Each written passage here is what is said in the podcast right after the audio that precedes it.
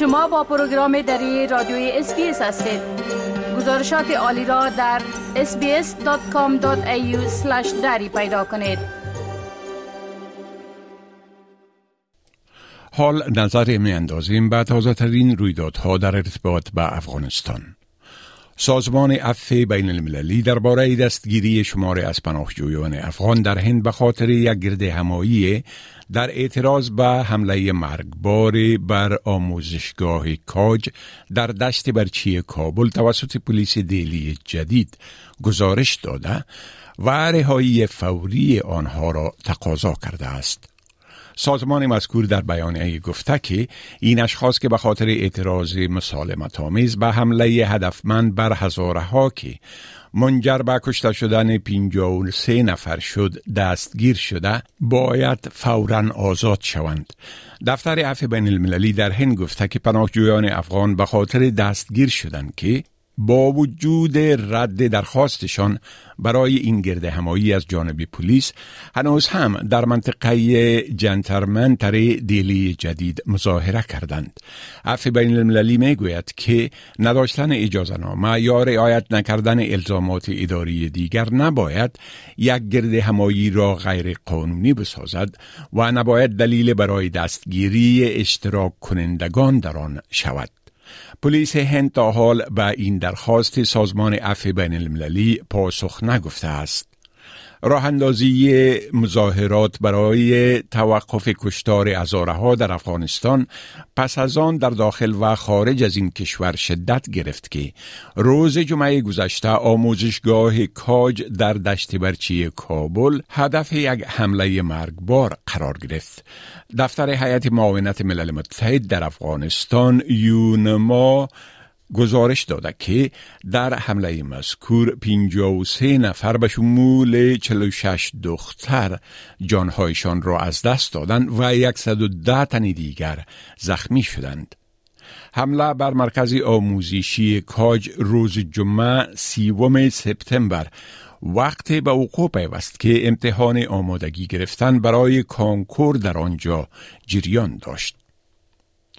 در این حال سازمان عفو بین المللی می‌گوید که طالبان به طور مرتب برای توسعه فرهنگ تخویف و تهدید به منظور محو زنان و دختران از فضای اجتماعی سعی و تلاش کردند. عفو بین المللی در گزارش سالانه خود با ارزیابی برخورد حکومت طالبان با زنان و فعالان زن در یک سال گذشته در افغانستان گفته است که بسیاری از روش های کنونی طالبان در قسمت گسترش رفتار پرخشونت با زنان و دختران با رفتار این گروه در دوره اول حاکمیتش همانند است. بسیاری از قوانین سخت گیرانه را که طالبان طی سالهای 1996 تا 2001 مورد اجرا قرار می‌دادند اکنون هم اعمال شده که یک فرهنگ ترس را حاکم ساخته تا شرکت زنان را حتی در عادی ترین جنبه های زندگی اجتماعی محدود بسازد. ای از ده فعالان حقوق زنان که سازمان عفو بین المللی در داخل و خارج از افغانستان با آنها مصاحبه کرده گفتند که توجه و نگرانی رهبران فیلی طالبان درباره موقف بین المللی این گروه یکی از مواردی است که حاکمیت کنونی طالبان را از دوره دهه 1990 این گروه متفاوت کرده است یکی از فعالان زن اظهار داشته که عدم موجودیت محافظت از خشونت توان آنها را برای استفاده از حق آزادی بیان و اندیشه بسیار محدود ساخته است. یک زن کارمند در حکومت سابق می گوید که پس از آمدن طالبان اول من هفت روز از خانه خارج نشدم. بعد وقتی بیرون رفتم شهر برایم ناآشنا بود.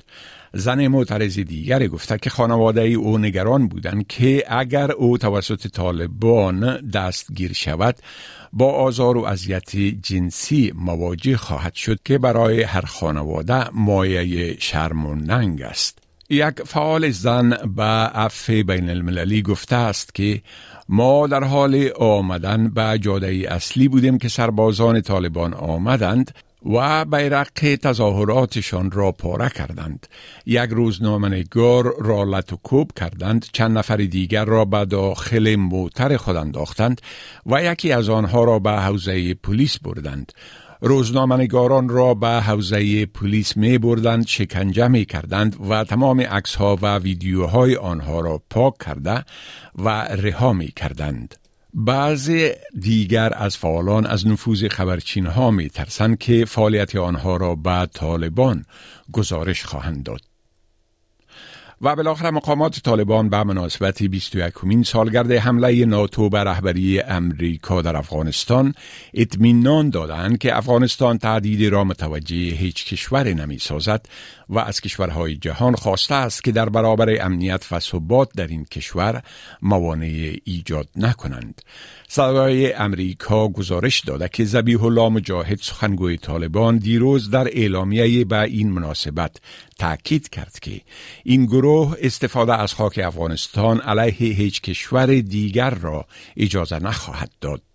آقای مجاهد افزوده که حکومت طالبان در مقابل از کشورهای دیگر هم می خواهد که موقف خسمانه در برابر افغانستان نداشته باشند و در برابر امنیت، ثبات و پیشرفت اقتصادی افغانستان موانع ایجاد نکنند.